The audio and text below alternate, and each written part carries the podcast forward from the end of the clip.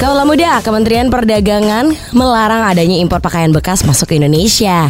Menurut Peraturan Menteri Perdagangan Nomor 18 Tahun 2021, sudah diubah dengan Peraturan Menteri Perdagangan Nomor 40 Tahun 2022 soal perubahan atas Peraturan Menteri Perdagangan tentang barang-barang yang dilarang ekspor dan barang-barang yang dilarang impor. Dikatakan penjualan barang bekas memang tidak dilarang oleh pemerintah, tapi untuk impor pakaian bekas lah yang dilarang. Oh, ternyata seperti itu ya. Selama ini thrifting itu quote unquote adalah hal yang dilarang sebenarnya. Wah ini gokil sih Bel. Soalnya kan barang-barang bekas impor itu adalah pelarian saat kita nggak bisa beli barang baru yang impor. Kemahalan. Ya itu dia pak Dan lo tahu nggak sih Kalau misalnya nih Di periode Juni Agustus 2022 Sudah ditemukan pakaian bekas impor ilegal Dari negara tetangga Sebanyak 750 bal Yang nilainya itu mencapai 9 miliar rupiah Nah kalau berdasarkan Direktur Jenderal Perlindungan Konsumen dan Tertib Bapak Niagara Ferry Anggriono Impor pakaian bekas itu tuh ada jamurnya gitu loh. Jadi nggak higienis.